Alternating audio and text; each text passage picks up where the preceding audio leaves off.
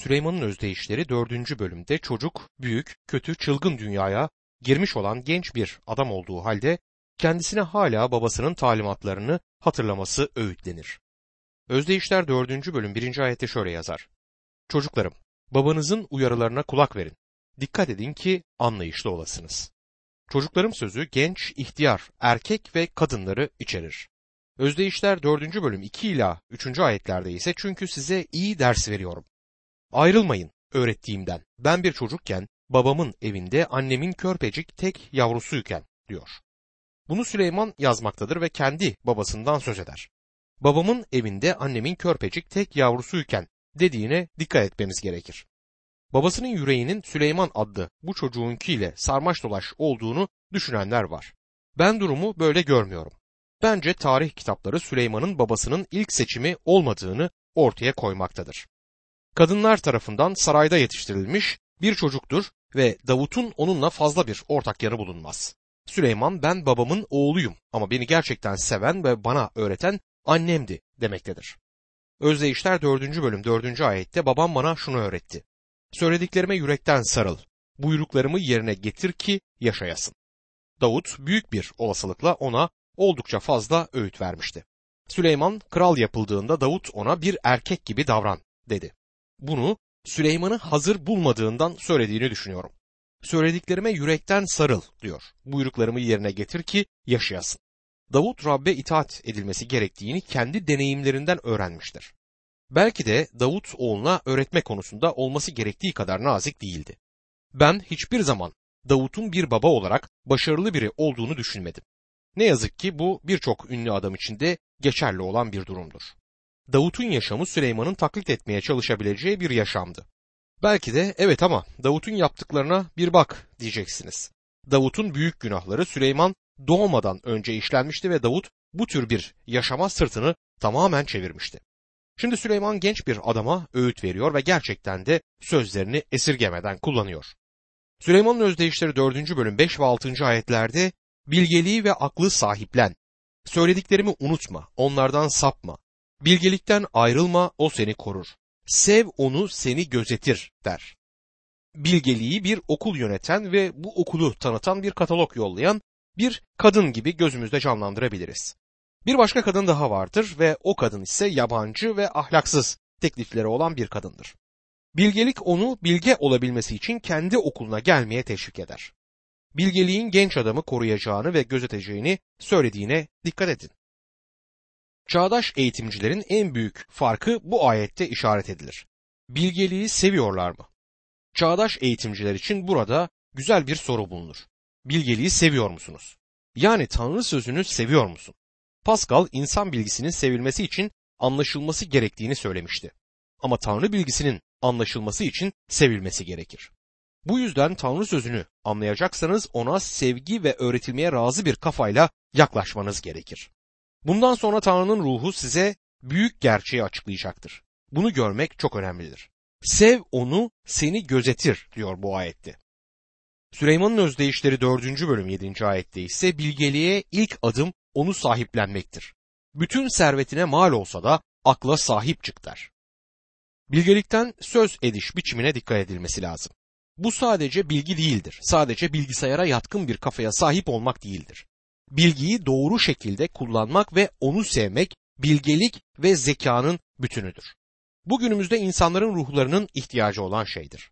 Eğitimin tatmin etmemesinin nedeni sunuluş tarzıdır. Burada altı çizilen nokta bilgelik edinmemiz gerektiğidir. Bu önemlidir. Süleyman'ın özdeyişleri 4. bölüm 8 ve 9. ayetlerde ise onu el üstünde tut, o da seni yüceltecek, ona sarılırsan seni onurlandıracak. Başına zarif bir çelenk, görkemli bir taç giydirecektir der. Burada ilginç olan bir nokta var.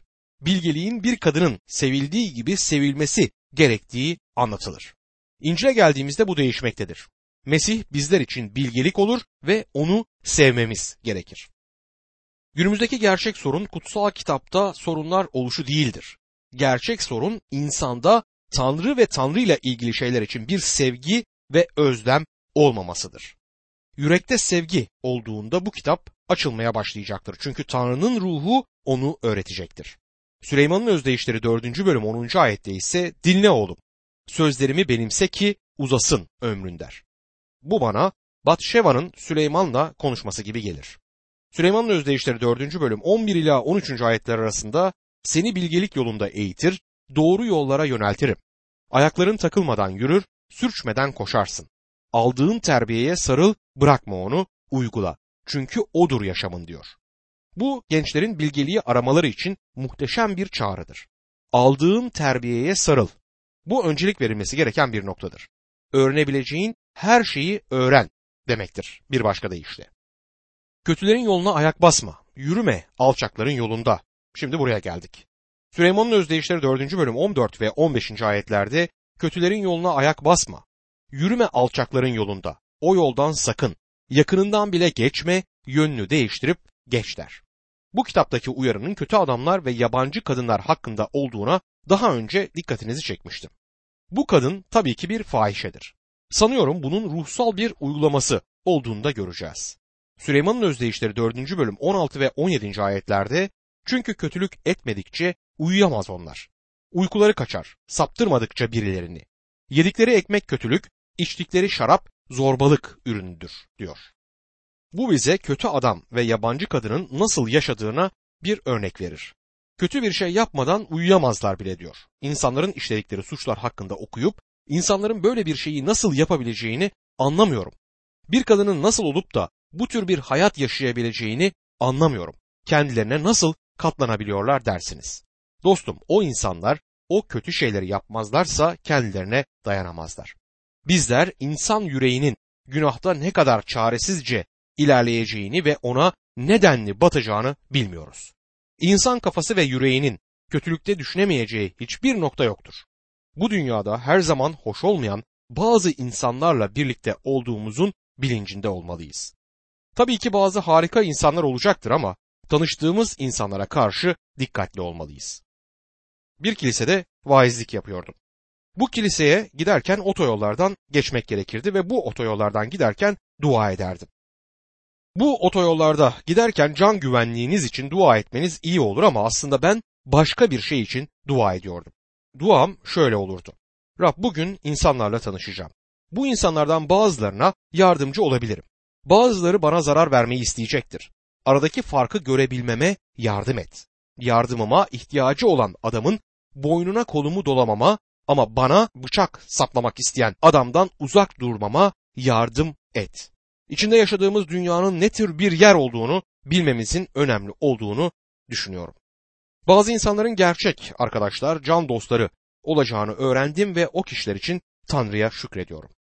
Radyo hizmetimi mümkün kılanlar bu tür kişilerdir. Sonra onu yok etmeye çalışan adamlar da oldu. Buna karşın Hristiyan olduklarını söyleyenler bile bulunur. Düşüncelerini anlamak zordur. İnsan yüreğine güvenilmez. Günlük yaşamımızda insanlarla tanıştığımızda çok dikkatli olmalı ve anlayışla hareket etmeliyiz. Süleyman'ın özdeyişleri 4. bölüm 18. ayette oysa doğruların yolu şafak ışığı gibidir. Giderek öğle güneşinin parlaklığına erişir. Bunun gibi muhteşem azizlerle de karşılaşırız.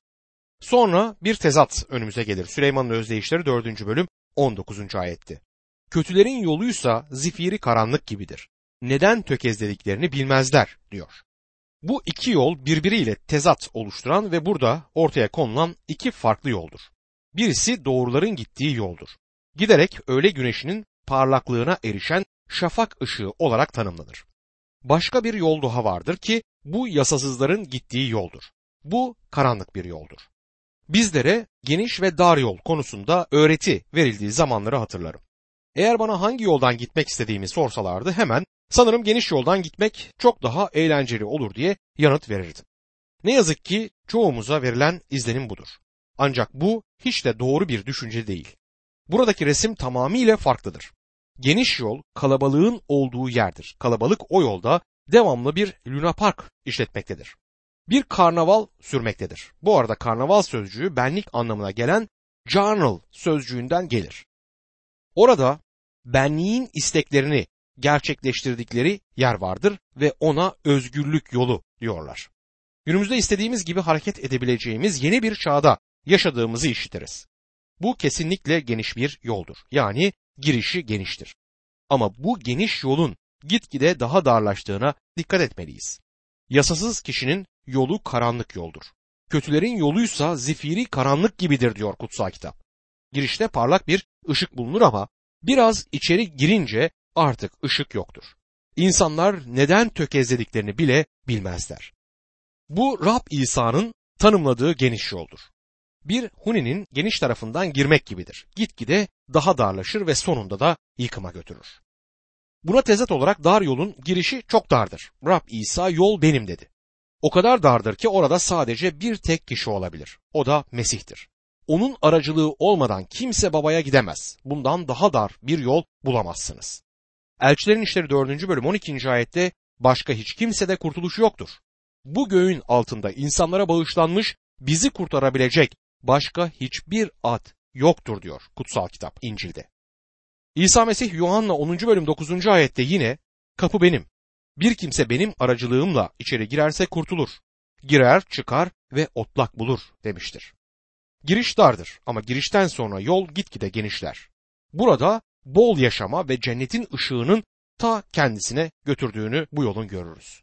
Dostum, Huni'nin dar tarafından girmeliyiz ve bu tarafın üzerindeki etiket de Rab İsa Mesih'tir.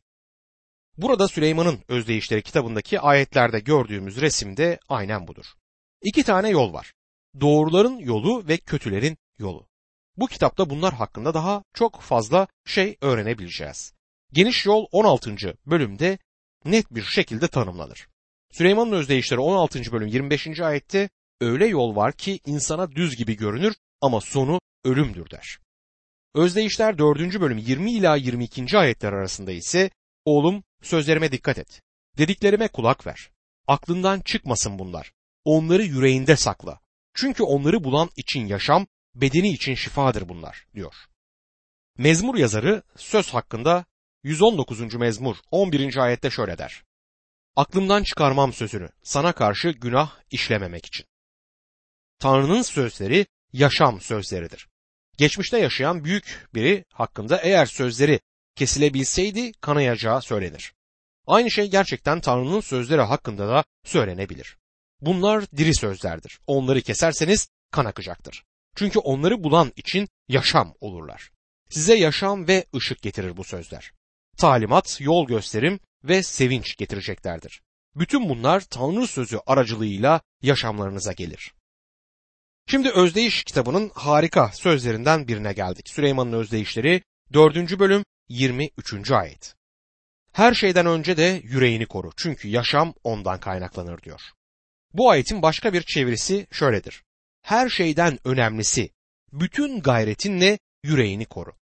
Üzerine titrenecek en önemli şey budur çünkü yaşam ondan kaynaklanır. Bedenin yaşamı kandır ve kanı pompalayan da yürektir. 17. yüzyılda William Harvey tıp biliminde bir devrim oluşturan bir şeyi keşfetti. O da kan dolaşımı sistemiydi. Buna karşın ondan yaklaşık 2700 yıl önce yazılmış olan Süleyman'ın özdeyişlerinde yaşamın korunması için yüreğin önemi belirtilir. Ve yürek kişinin en içteki varlığını simgelemektedir. Rab İsa insanı kirletenin insanın içine giren şey değil, insanın içinden çıkan şey olduğunu söylemişti. Matta 15. bölüm 19. ayette çünkü kötü düşünceler, cinayet, zina, fuhuş, hırsızlık, yalan yere tanıklık ve iftira hep yürekten kaynaklanır der. Dünyadaki en kötü ve zalim şeylerden bazıları insan yüreğinden çıkmaktadır. Yürek kişiliğin bütününün merkezidir. Yüreğin ne kadar önemli olduğunu bilmek isterseniz kutsal kitap ABC dizinini çıkarıp kutsal kitapta içinde yürek sözcüğünün geçtiği bütün ayetlere bakmanızı öneririm. Yüreklerimizi büyük bir gayretle korumamız gerekir. İşittiklerimiz önemlidir. Etüt ettiklerimiz önemli. Gördüklerimiz önemlidir. Yaşamlarımızın bütün önemli konularının yürekten geleceğini anlamamız gerekiyor. Harvey'in kan dolaşımını keşfetmesinden çok önce yazılan Süleyman'ın Özdeyişleri kitabının bu konuda bilimin yüzyıllar sonra doğruluğunu kanıtladığı bir bildiride bulunduğu gerçeği gözden kaçırılmamalıdır. Buna tezat olarak Barnaba'nın mektubu adlı apokrifif bir kitap var. Kendini ateşle yok edip dirilen mitsel bir kuş olan Zümrütü Anka kuşundan söz eder bu kitapta. Bu tamamıyla sahte bir bildiridir ve Yunan mitolojisinden kaynaklanır. Süleyman'ın Özdeyişleri kitabındaki aynı şey kutsal kitabın bütünü hakkında da söylenebilir. Bilimsel ya da doğru olmayan hiçbir gözlem bulamazsınız. Özdeyişler 4. bölüm 24. ayette yalan çıkmasın ağzından. Uzak tut dudaklarını sapık sözlerden diyor. Yaşam kaynakları yürekten çıkacaktır ama konuşmayı yapacak olan ağız ve dudaklar olacaktır. Birisi bunu yüreğin kuyusunda olan ağzın kovasından çıkar şeklinde dile getirir. Ağzın yüreğimizde olanı er geç ortaya çıkaracağı gerçekten doğrudur. Ağızlarımız bizi ele verir. Bayan Makki ile birlikte kuzeybatı yakınlarında küçük bir kasabada öğle yemeği yiyor ve birbirimizle konuşuyorduk diyor Doktor Maggie. Garson kızın çok ilgilendiğini gördük ve çok geçmeden sözümüzü kesti. Siz Doktor Maggie değil misiniz? Evet, beni nasıl tanıdınız diye sordum diyor. Sizi daha önce hiç görmemiştim ama sizi radyodan dinliyorum. Daha sonra karım bana söylediklerine dikkat etsen iyi olur. Seni tanıyabileceğini hiç düşünmediğin insanlar seni tanıyor dedi. Bu doğrudur ama dikkat yürekte başlamalıdır. Yüreğin kuyusunda olan ağzın kovasından çıkacaktır. Ağızlarımız yüreklerimizde saklananları ele verecektir. Süleyman'ın özdeyişleri 4. bölüm 25, 26 ve 27. ayetlerde gözlerin hep ileriye baksın. Dost doğru önüne. Gideceğin yolu düzde. O zaman bütün işlerin sağlam olur, sapma sağa sola. Ayağını kötülükten uzak tut diyor. Genç bir adamın çok dikkatli olması gerekir. Geçenlerde bir adam bana gençken tutuklandığı için bütün hayatını mahvettiğini söyledi. Sicili aleyhindeydi ve yıllar boyunca o kayıt tekrar ve tekrar karşısına çıktı. Uyuşturucu ve alkolün gençler arasında çok yaygın olduğu günümüzde gençler çok dikkatli olmalıdırlar. Gidecekleri yolu düzlemedikleri için kendilerini mahveden birçok genci görmek trajiktir. Süleyman'ın özdeyişleri 5. bölüme geldiğimizde genç bir adama ailesi uğruna pak bir yaşam sürmesinin öğütlendiğini görürüz. Tanrı'nın verdiği cinsellik eğitimi budur. Tanrı'dan gelen bu eğitimi günümüzde hatta Hristiyan toplantılarında bile işittiğim birçok şeyden daha çok beğeniyorum. Tanrı gelecekteki aile uğruna pak bir yaşam sürülmesi gerektiğini söyler. Ailelerdeki sorunların pek çoğu aslında bireyin evlilik öncesi cinsel yaşamında başlamaktadır. Tanrı'nın cinsellik eğitimine bakalım. Süleyman'ın özdeyişleri 5. bölüm 1 ve 2. ayetlerde şöyle yazar. Oğlum bilgeliğime dikkat et. Akıllıca sözlerime kulak ver. Böylelikle her zaman sağgörülü olur, dudaklarınla bilgiyi korursun der. Oğlum bu yine genç adama hitap ettiğini bize gösterir. Bilgelik genç adamı okuluna gelip kendisinden öğrenmeye çağırmaktadır. Bir önceki bölümde uyarı kötü adam hakkındaydı. Bu bölümde uyarı ise ahlaksız kadın, yabancı kadın hakkındadır. Çünkü kadın İsrail'in dışından gelen bir yabancıydı. Genelde Yahudi olmayan birisiydi ve fahişelik yapardı. Hiçbir İsrailli kadının fahişe olmaması gerekiyordu. Yasaya göre böyle bir durumda taşlanması gerekirdi. Ancak İsrail Tanrı'dan uzaklaştıkça ahlaksızlığa gitgide daha çok battı. Böylece İsraillerden bazıları 2. bölüm 17. ayette belirtildiği gibi fahiş oldu. Gençken evlendiği eşini terk eden, Tanrı'nın önünde içtiği andı unutan ahlaksız kadın diyor. Bu durumda kadın yine yabancı sayılır çünkü Tanrı ile olan ilişkisinde yabancılaşmıştır. Süleyman'ın özdeyişleri 5. bölüm 3 ila 6. ayetler arasında zina eden kadının bal damlar dudaklarından. Ağzı daha yumuşaktır zeytinyağından. Ama sonu pelin otu kadar acı, iki ağızlı kılıç kadar keskindir. Ayakları ölüme gider. Adımları ölüler diyarına ulaşır. Yaşama giden yolu hiç düşünmez, yolları dolaşıktır ama farkında değil diyor. Bir cezaevinde kötü bir gangster vardı. Yetkililerden biri bu adamın frengi kaptığını, iyileştirilmediğini ve sonunda delirdiğini söyledi. Ölmeden saçma şeyler bağıran bir deli şeklindeydi. Yetkili bana bu adam birçok kızın mahvolmasına neden oldu ama bunun yanına kar kalmayışı ilginçtir. Bir yerlerde bir kız ondan öc almış oldu dedi. Tanrı sözü burada bu tür bir şey hakkında uyarıda bulunur. Süleyman'ın özdeyişleri 5. bölüm 7 ila 11. ayetler arasında. Oğlum şimdi beni dinle. Ağzımdan çıkan sözlerden ayrılma. Öyle kadınlardan uzak dur. Yaklaşma evinin kapısına. Yoksa onurunu başkalarına, yıllarını bir gaddara kaptırırsın. Varını yoğunu yer bitirir yabancılar. Emeğin başka birinin evini bayındır kılar. Ah çekip inlersin ömrünün son günlerinde etinle bedenin tükendiğinde diyor. Burada genç adama ne kadar büyük bir uyarı bulunur. Burada söylenilenler cinsel yolla bulaşan hastalıkların sonucunun gerçek bir resmini bizlere iletir. Sonunda etle beden tükendiğinde inleme ve acı olacaktır. Şu anda dünyada cinsel yolla bulaşan hastalıklar büyük boyutlara ulaşmıştır. Süleyman'ın özdeyişleri 5. bölüm 12 ila 14. ayetler arasında ise eğitilmekten neden bu kadar nefret ettim? Yüreğim uyarıları neden önemsemedi dersin.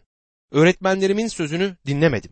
Beni eğitenlere kulak vermedim. Halkın ve topluluğun arasında tam bir yıkımın eşiğine gelmişim diyor.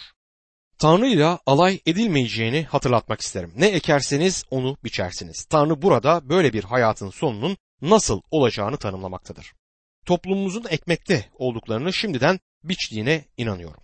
Ülkemizdeki ahlaksızlık Tanrı sözünün öğretilmesinin yetersizliğinden kaynaklanır.